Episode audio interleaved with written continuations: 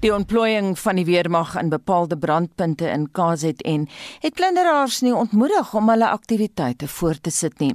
Privaat veiligheidsmaatskappye, misdaadvoorkomingsgroepe en gemeenskappe het in reaksie gemobiliseer om hulle eie woongebiede te beskerm. 'n Deel van die N1 tolroete van Harry Smit tot Heidelberg is intussen weer oopgestel. Die roete suid is steeds gesluit. Daar is lang toue motors buite vulstasies in die groter Durban gebied. Party het reeds geen brandstof meer oor nie. Ander het weens veiligheidsredes gesluit. Die winkels en vulstasies wat oop is, word oorval deur mense wat paniekerig noodsaaklike inkopies doen. Gemeenskappe wat vrees vir hulle huise het gemobiliseer en daar is nou nagpatrollies in woonbuurte soos Chatsworth, Melbourne, La Mercy en Die Bluff. Jason Carlson is 'n inwoner van La Lucia. Uh, absolutely. Uh, we we you know some of us might have thought this day would come and and um, but yeah yeah it's uh, it's it's hell. I mean our, our kids are asking where we're going, what we're doing. So yeah, it, it is a bit movie like. It's just um, you know I, I was getting my hopes up with the president was going to speak last night and you know he just traveled the same drool. I mean I really it was disappointing. It, it really made no sense at all. I, I would have suspected he would have declared a state of emergency because this is yeah it's it's it's lawlessness. Devin Govindasamy werk vir 'n private veiligheidsmaatskappy in Durban. Hy sê inwoners het genoeg gehad en gaan nou weerstand bied. Uh, there's not a store or garage that hasn't been attacked and looted. Uh, it's hectic here on the ground.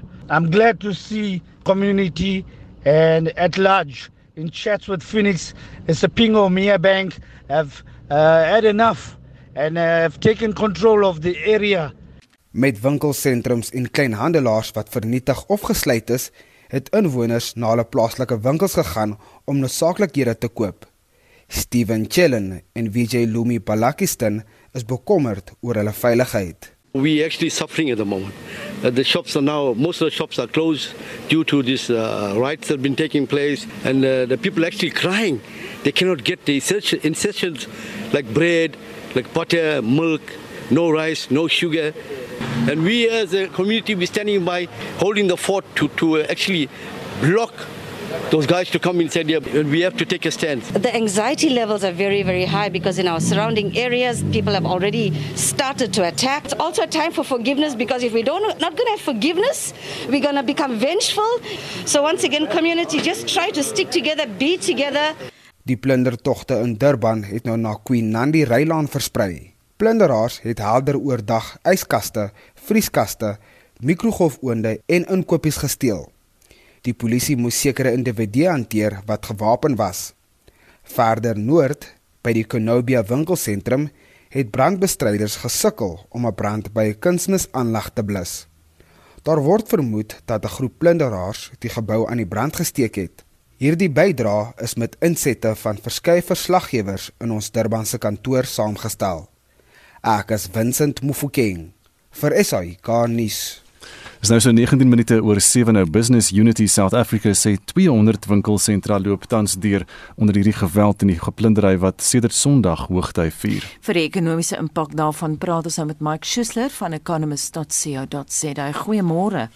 Goeiemôre Anita. En weet nie of dit 'n goeie môre is nie. Die plekke ja. wat die ergste geraak word, daar is so baie, maar ons praat van Berea, Devonport, Cityview, ons praat van die winkelsentra, maar die geweld het nou uitgekring en die plunderaars uh, maak nou oral amok.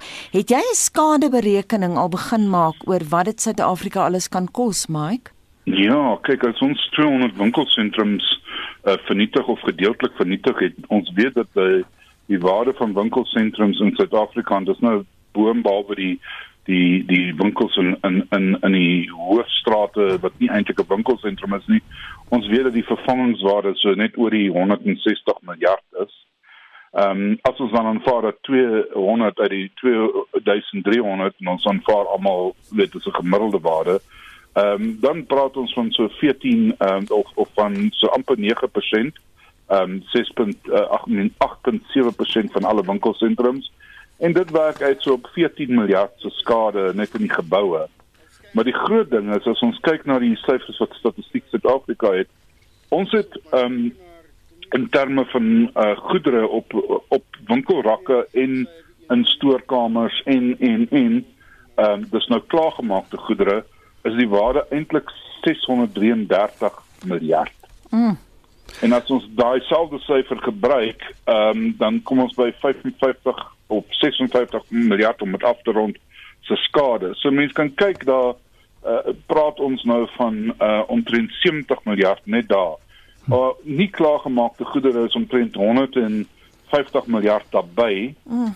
So dit kan 'n mens ook 'n 'n aanduiding gee.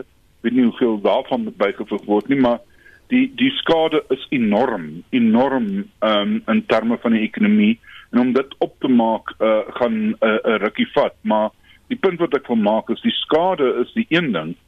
Die ehm um, vertroue is die ander ding natuurlik hmm. in Suid-Afrika.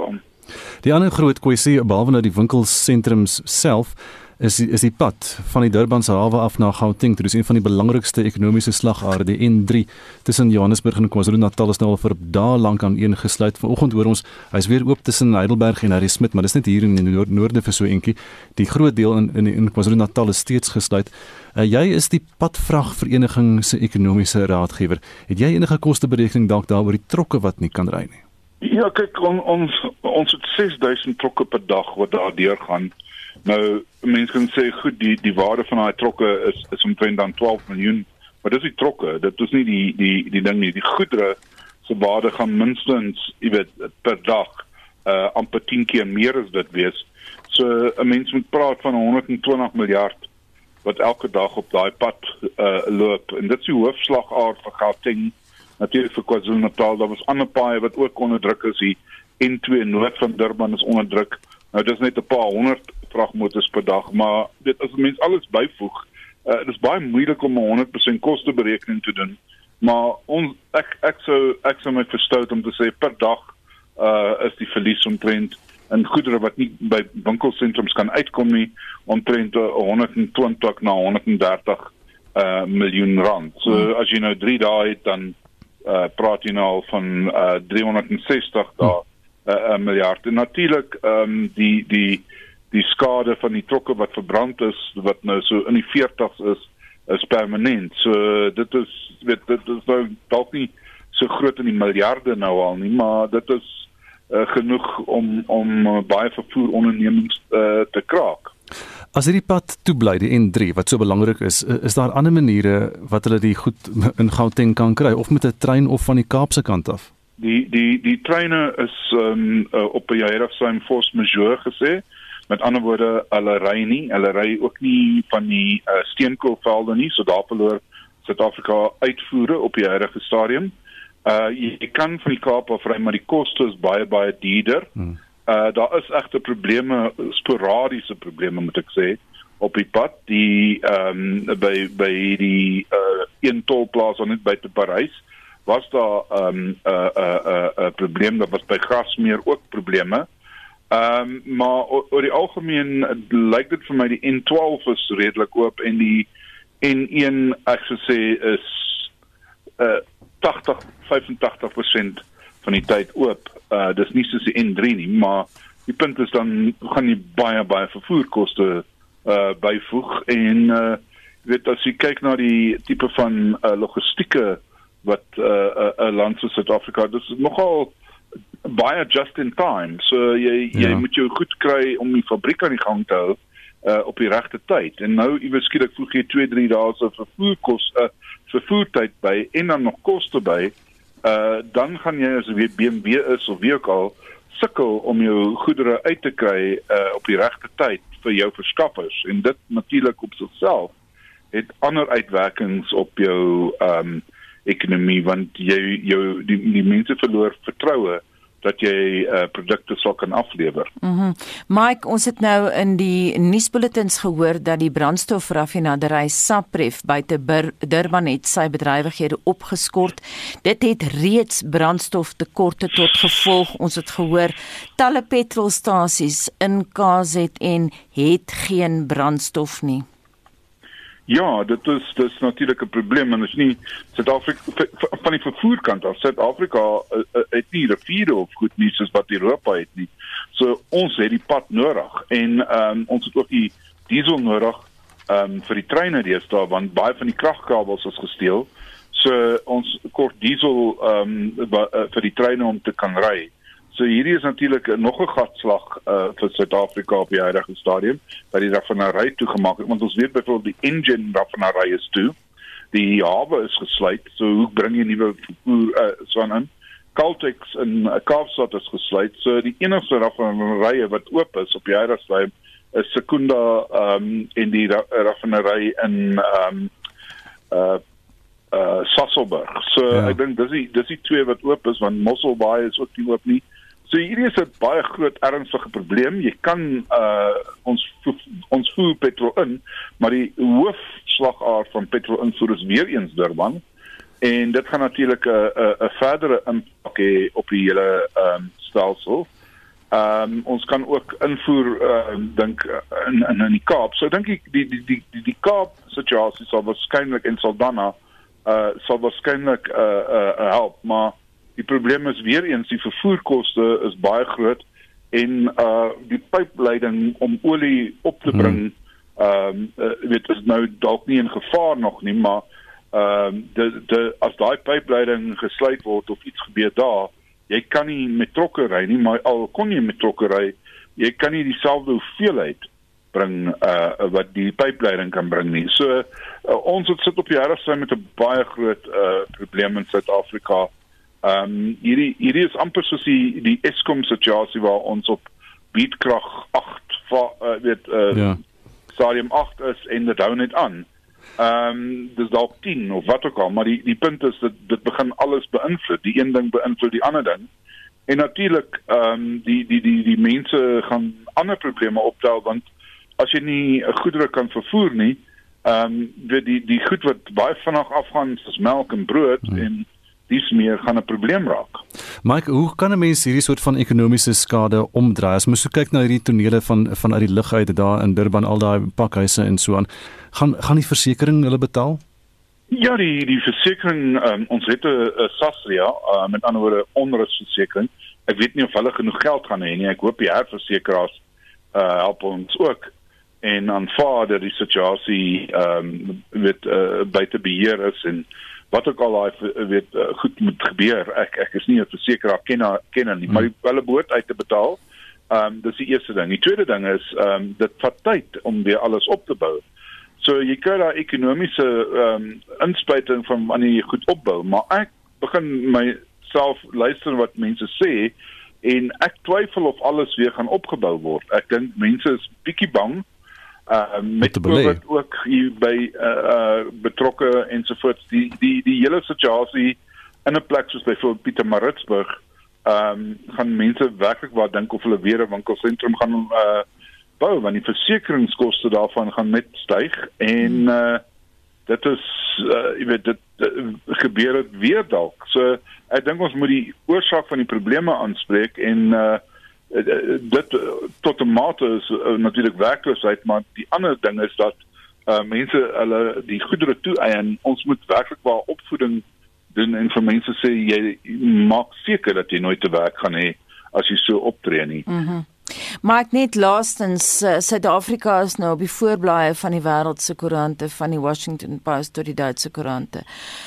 En natuurlik elke dag sien ons op Sky en ons sien op BBC dat ons vreeslik baie negatiewe aandag trek. Wat sê dit alles vir beleggers? Jy sien nou al klaar intern gaan mense twee keer dink voordat hulle byvoorbeeld in Pietermaritzburg 'n nuwe winkelsentrum bou. Wat sê dit vir buitelandse beleggers? Nou, buitelandse beleggers gaan nie belê nie. Jy belê nooit in 'n plek waar waar waar jy dink jy gaan verliese hê en ekstra pyn en administratiewe koste en dis meer ehm um, alles uh maak net nie meer sin nie. So weet op die huidige stadium moet ons uh ons eie beleggers eerstens ooreed uh voordat enigiemand anders gaan nie belê dit is verseker. Mm. Ek dink die president het hom baie baie nou gemaak dat hy uh beleggings wil aantrek.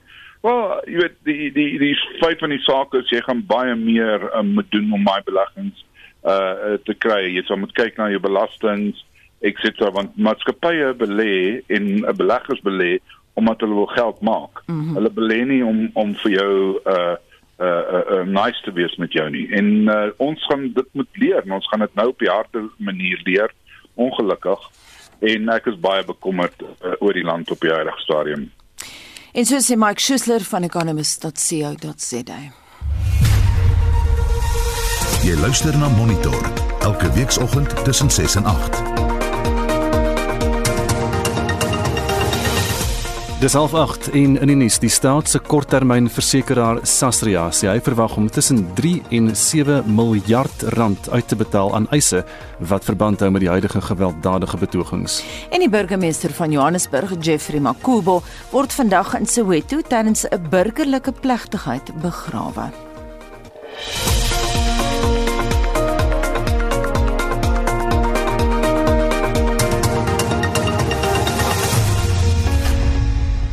Estie Melanie van Amamsentouti skryf ons gemeenskapslede het van maandag af die area afgesper en maandag aand is geweerskote deurnag gehoor.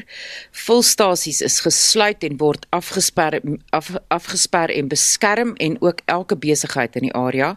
Van maandag aand af is daar mense op elke gebou ontplooi om 'n 360 grade uitsig te hê. Van die winkels was gister vir 'n beperkte tyd oop sodat inwoners basiese goed kon koop, maar die winkelrakke loop vinnig leeg. Ons het 'n bakker in die area wat brood op bestelling bak en hy kan nie voorbly nie. En dan laat weet 'n luisteraar, ons is by die Greytown Kinderhuis met 150 kinders en dis ons tweede dag sonder brood. Die kosvoorraad raak ook nou baie laag. Dink so aan baie ander instansies in dieselfde situasie. En Rika van der Merwe sê hospitaalpersoneel kon nie werk toe kom nie. Die hospitale is vol, maar daar's 'n tekort aan verpleeg en teaterpersoneel. En Ina Visagie sê my huishulppaar man, twee kinders en 'n baba van 4 maande het doodbang by ons kom skuilings soek. Almal bly nou in my huis.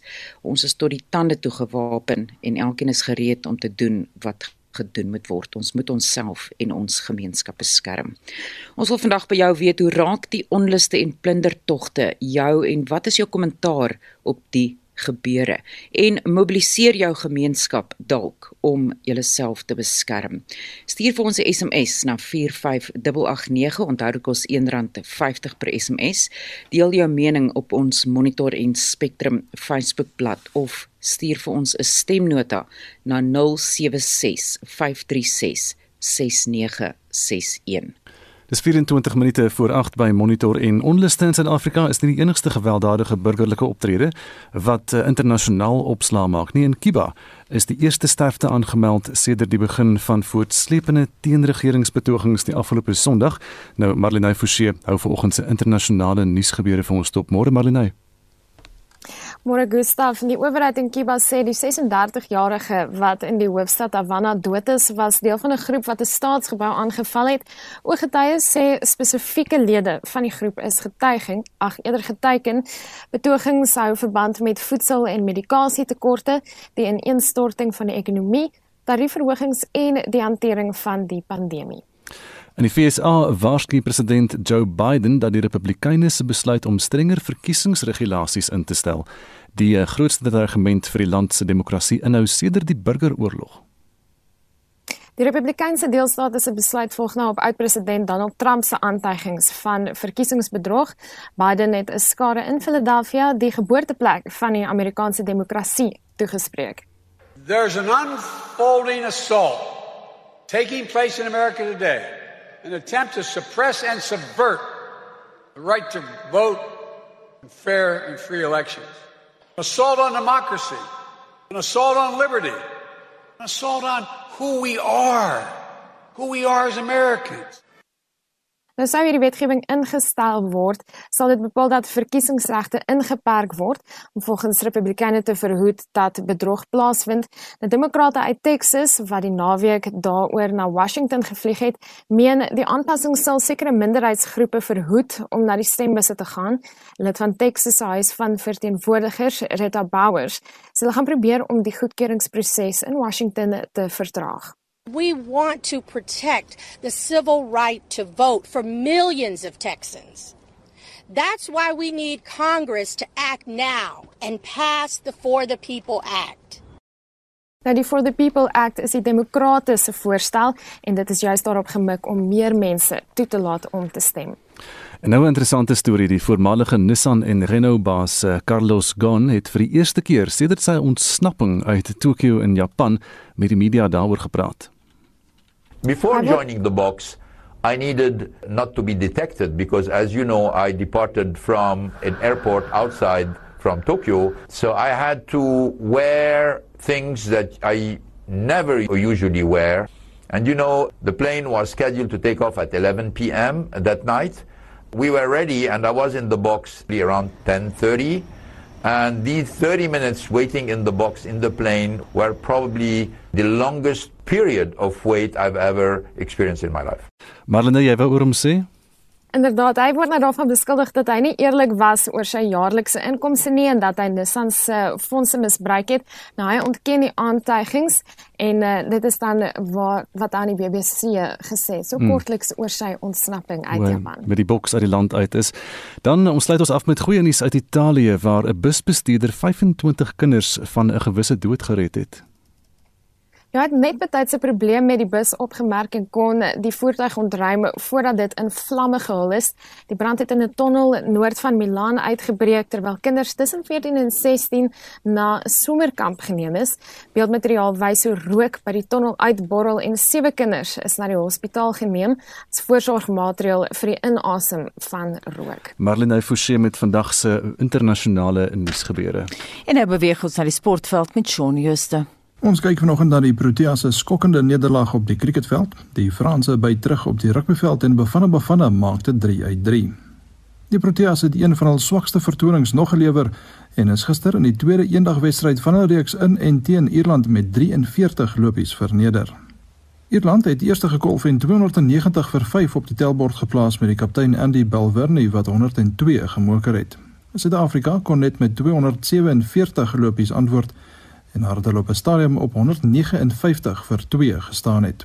Janeman Malan het 84 lopies aangeteken. Die Proteas moet Vrydag se derde en laaste wedstryd wen om die reeks te deel. Engeland het skoonskap in hulle eendagreeks teen Pakistan gemaak toe hulle gister se derde en laaste wedstryd met 3 paltjies gewen het. James Wins was die speler van die wedstryd vir sy 102 lopies en Sakib Mahmood die speler van die reeks. Rugby Australië het gister sy tweede toets in Melbourne teen Frankryk met 28-26 verloor.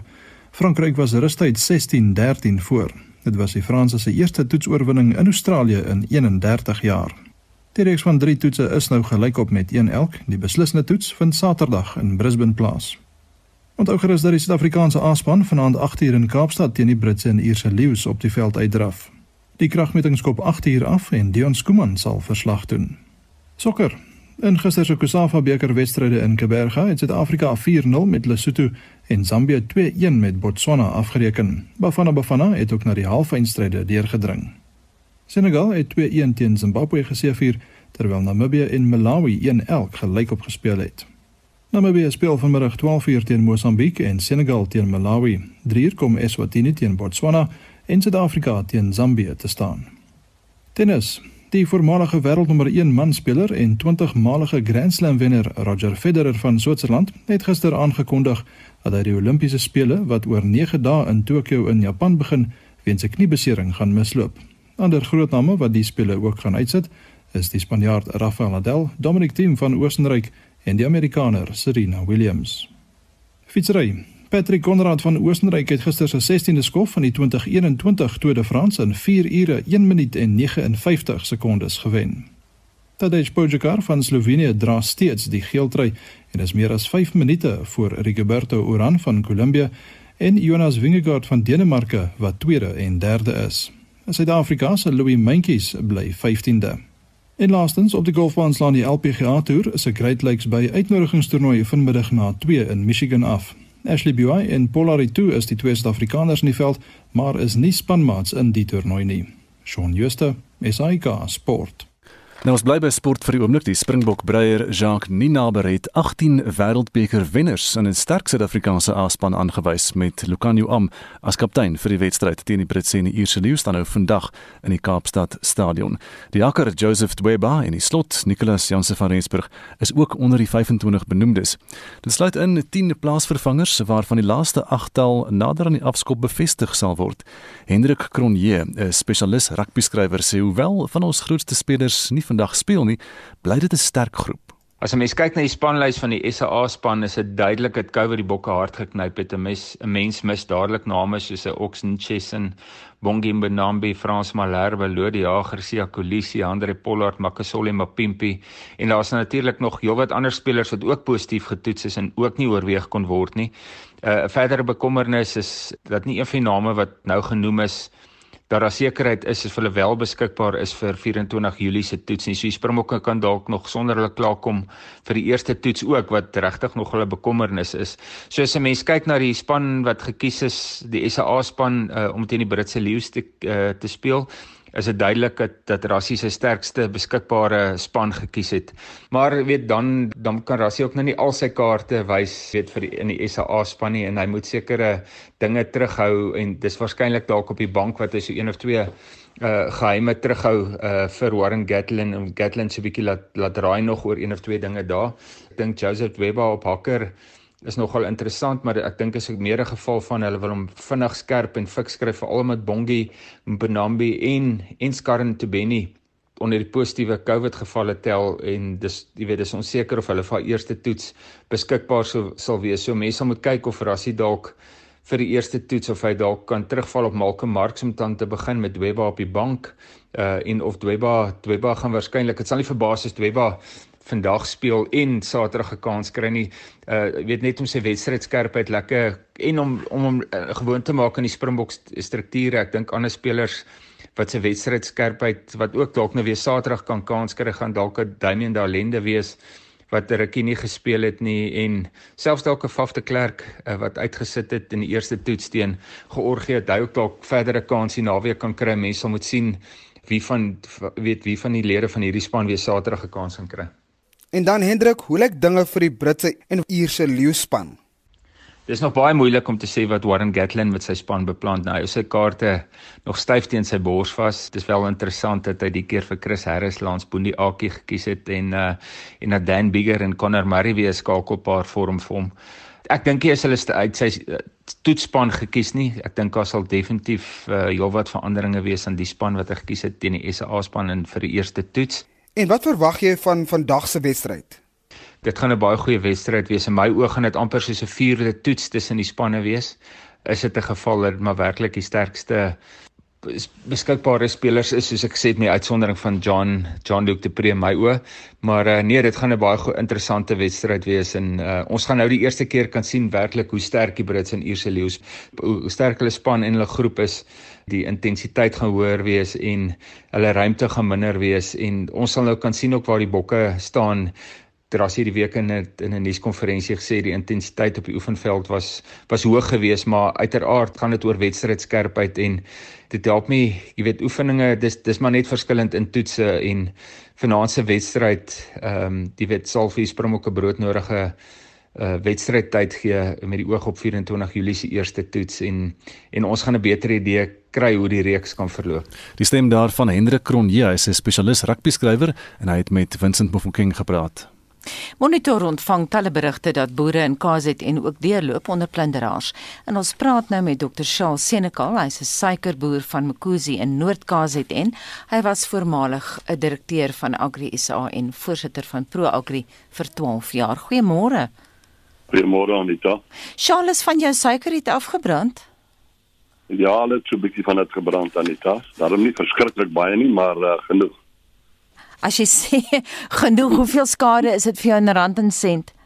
In rand en sent so tussen 3.5 en 4 miljoen rand. Mm, gef, dit klink nie bietjie vir die gewone man en vrou op straat nie. Maar op die dorp self Mkuzi, um, ek weet jy was nou die week daar. Hoe lyk dit daar in terme van veiligheid en terme van plunderaars? Wat gebeur daar? Ja, uh, Anita, ons het maar 'n moeilike paar dae agter die rug. Uh. Dit was dae van min slaap en baie bekommernis Maar uh die stoffe daarom nou gaan lê, die dorp is weer kalm, is baie baie baie vuil. En uh uh ons gaan miskien maar 'n bietjie help vandag om die ding op te ruim want dit lyk aardig. Mhm. Mm As jy sê dit lyk aardig, hoe lyk die besighede daar? Hoeveel skade is aangerig? Geweldig baie skade is aangerig. Jy weet, hulle het omtrent al die winkels in 'n klein dorpie, so 'n klein dorpie. Die hele dorpie lê binne in my plaas, net mm. my plaas omring hom. so, so al die aktiwiteite wat daar plaasvind, is ek maar deel van, jy weet. En uh en en dit maak dit moeilik daar's geweldig baie rommel in die strate, bande wat ge, uh, gebrand is. Uh dit lyk lelik, maar ons gaan help om die plek skoon te maak vandag en die die gees onder die mense is ook baie beter as wat dit verlede Sondag was. Hmm. Jy sê die gees is nou beter, maar oral in die land sien ons ook geweld. Het julle dit gesien in Noord-KZN? Glad glad op baie glad nie op baie min Anita. Die mense was uh alhoewel hulle nou die uh, ons grootste winkel die Shoprite binne gegaan het en hom heeltemal gestroop het. Hmm. Uh uh was dit baie kalm. Daar was heeltemal te veel mense vir die polisie om te hanteer. Ek dink ons het net 'n stuk of 10 polismanne in die dorp en uh hulle kon die skare nie beheer nie. Die skare het die eerste bottelstoer aangevat. Hulle was dors en uh toe het hulle die die uh, groot Shoprite aangevat en hom gestroop en uh ja, dit het 'n hele ruk gevat en uh, die polisie het probeer keer, maar daar was net geen keer nie. Die manne het maar gedoen wat hulle wil, laat bakkies ingekom. Duisende, miljoene rande het so goed weggery. Hmm. En ons het maar met gevoude arms gestaan en kyk hoe gaan dit daar. Ons het nou vroeër vanoggend met die ekonom Mike Schuessler gepraat, Charles, en hy het gesê dit gaan baie lank vat voordat dinge weer op dreef kom. Hoe voorsien jy sake uitspeel in Mkuzi? Wanneer gaan daai winkels weer kan oopmaak? Jy sê die hele Shoprite is leeg gedra. Die hele Shoprite. Nee, dis 'n groot winkel waar hy verragtig waar groot met bitter baie voorraad in. Anita, uh daar gaan 'n vo uh, voedseltekort ontstaan in hierdie gebied, hoor. Ek kan nie dink dat ons dit gaan vryspring nie. Uh ek het ook 'n uh, e-mail gekry van die uh, raffinaderry in Durban dat hulle gaan ons diesel toevoer met afsny. Mm. So dit gaan die hele plaas tot stilstand bring. Mm. Armoede in hierdie gebied gaan gaan geweldig, geweldig uh, uh vererger en dit gaan gepaard wees met werkverliese. Mm. Uh selfs die inenting ek weet nie of dit op ander plekke gestaak is nie, maar self die inenting van teen hierdie COVID is heeltemal stopgesit. Mm, jy voorsien voedselverliese, daar's natuurlik nie sprake van jou suiker wat kan uitkom by die plekke waar dit moet nie. Maar skets gou vir ons 'n prentjie want ons is nou ver van julle af, Shaal. Hoe lyk dinge op Pongola? Ek weet jy is in kontak daar met die boere. Ja, nee, ek is eintlik baie trots op die Pongola boere. Uh die manne het al by verlede Saterdag besluit. Uh hulle gaan die dorp beskerm en hulle het padblokkades gehou by elke ingang en uitgang na die dorp. En by elke so padblokkade het hulle 'n polisie offisier gehad. So dit was nie sommer 'n free for all nie. En hulle die mense, hulle het besluit gaan jy in of gaan jy nie in die kom jy om kwaad te doen of kom jy uh kom jy om besigheid te doen. En daar is wragtig waar geen skade in Pongola van enige aard nie. Nee, baie dankie. Ons sal later in die week hopelik weer met jou praat. Alle sterkte daar. Dit dan Dr. Charles Senekal, hy 'n suikerboer van Mkuzi in Noord-KZN en voormalige direkteur by Agri SA. Nou ons bly by die landbou vir die oomblik. TLISA blameer die regering vir die onrus in die land en ons praat vanoggend met die hoofbestuurder van TLISA. Dis Benny van Sail. Benny, goeiemôre. Goeiemôre. Verduidelik gou wat julle sê julle blameer die regering. Ja, weet jy as ons vinnig gaan kyk na die situasie, dan moet ons altyd gaan kyk wat's oorsaak en gevolg. En ons is besig om die gevolg van 'n bepaalde dilemma in ons land te probeer bestuur. Nou na TLISA se oordeel sit ons met 'n bepaalde dilemma dat oor tydperk heen het ons 'n paar aspekte het plaasgevind. Die eerste ding is binne die ANC het hierdie twee spalk in die stryd van magte wat teen mekaar beklei om te kyk wie gaan oorneem. En dit wat nou op die oomblik gebeur deur die um, om ons sê Zuma Makashule faksie is eintlik 'n tipe van sedisie om amper hier in opstand te kom. Is daar mense, dis die vraag wat ons vra. Is daar mense wat hierdie goed orkestreer en beplan en die intelligensiedienste moet dit indringend naspoor en seker maak en indien dit so is, moet daardie mense aangespreek word. Maar die tweede ding wat net so belangrik is, tydperk heen en dit is 'n ding wat baie organisasies en onsself ook gewaarsku het, is hierdie beleidsomgewing besig om groter werkloosheid te skep, groter armoede te skep. Ons sit met 'n onsekere beleidsomgewing, 'n beleidsomgewing wat nie beleggingsvertroue inboesem nie en nou sit ons met 'n grootskaalse armoede en werkloosheid wat jaarliks groei en styg. En hierdie ding is 'n teelaarde vir hierdie soort van ding. 'n Klein vonkie in hierdie kruitvat het Dubai al gesê onsself ook, dis 'n tydbom waarop ons sit. Want ek vra die vraag, hoe baie van hierdie mense wat nou so gaan plunder het, het 'n saak daarmee of president Zuma, ehm um, die voormalige president Zuma, of hy nie dronk is of nie nie dronk is nie. Hierdie het oorgegaan na kriminaliteit toe, want die mense het die situasie uitgebuit, want die omgewing was geskep en die regering se beleid het dit oor tydperk heen veroorsaak. Die president het in een van sy toesprake gesê dat as gevolg van veral die Durban kwessie kan voedselsekerheid benadeel word as gevolg van die N3 en so aan. Ehm um, hoe voorsien jy kan voedselsekerheid benadeel word?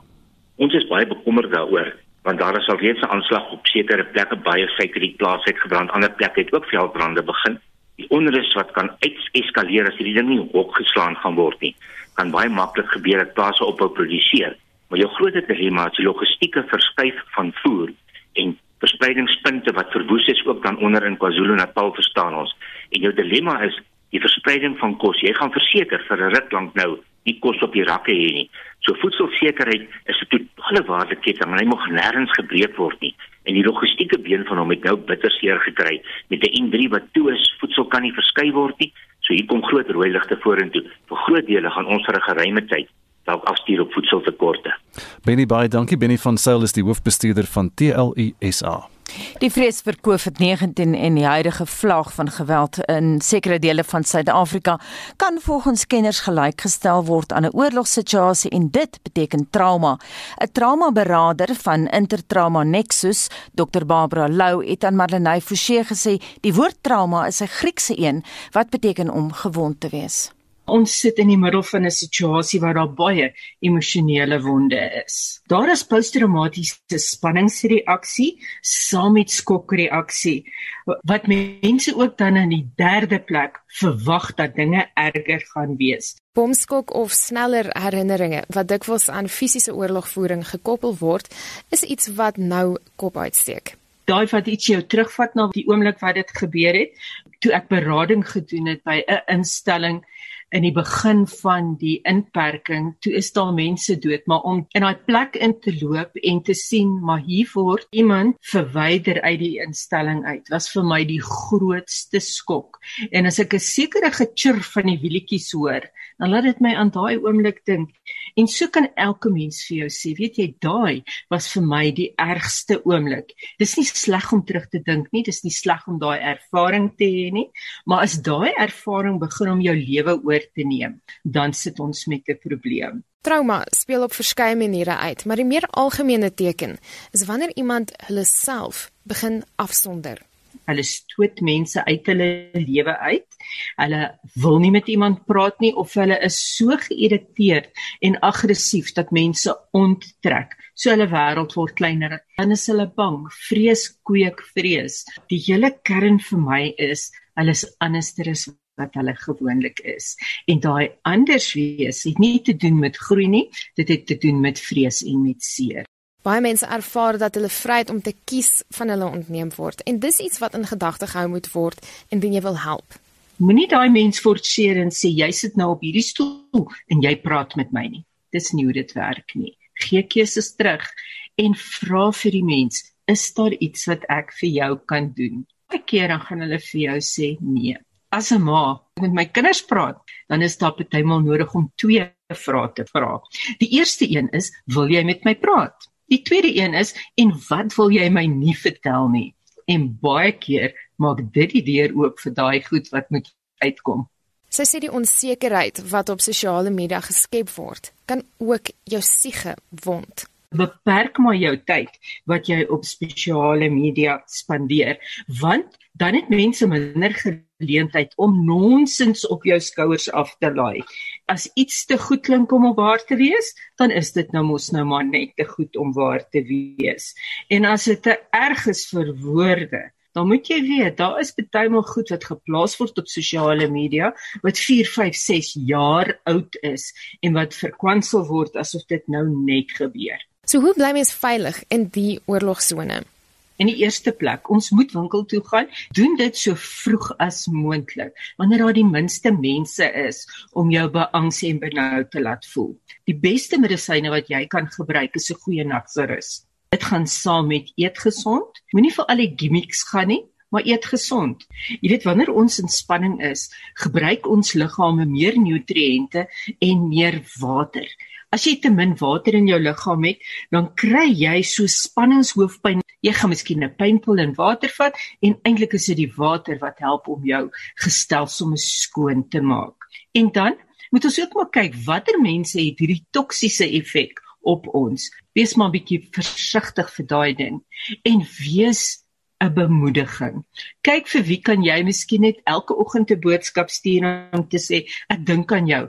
As dit iemand is wat COVID het, moet ek vir jou sê ek het by soveel van hulle al gehoor dat daai daaglikse boodskapies hulle gehelp het om deur die tyd te kom. Daar is wel 'n silwerrandjie as ons almal saamwerk.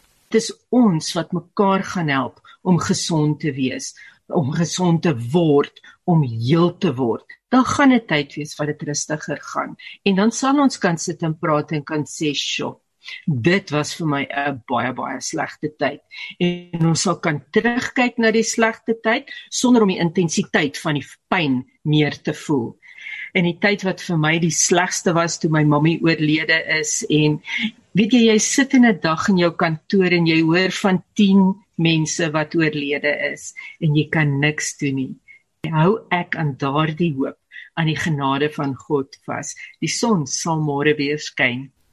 En 'n meer volledige weergawe van daardie bydrae sal Saterdag op Naweek Aktueel uitgesaai word. Ons bly by Marlenae vir die volgende 20 sekondes wat se dagboek vir Spectrum.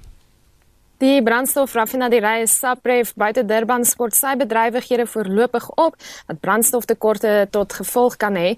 Die DA sê hy gaan 3 van oud-president Jacob Zuma se kinders in die EFF-leier Julius Malema aankla en Suid-Afrikaners mobiliseer op sosiale media om die herstelproses in die land te begin. En dit was monitor met ons waarnemende uitvoerende regisseur, ook die redakteur vanoggend Hendrik Martin en dan was ons produksieregisseur Johan Pieterse. My naam is Anita Visser. Ek is Gustav Vreiling en Anne Marie is nou reg met die 8 uur nuus.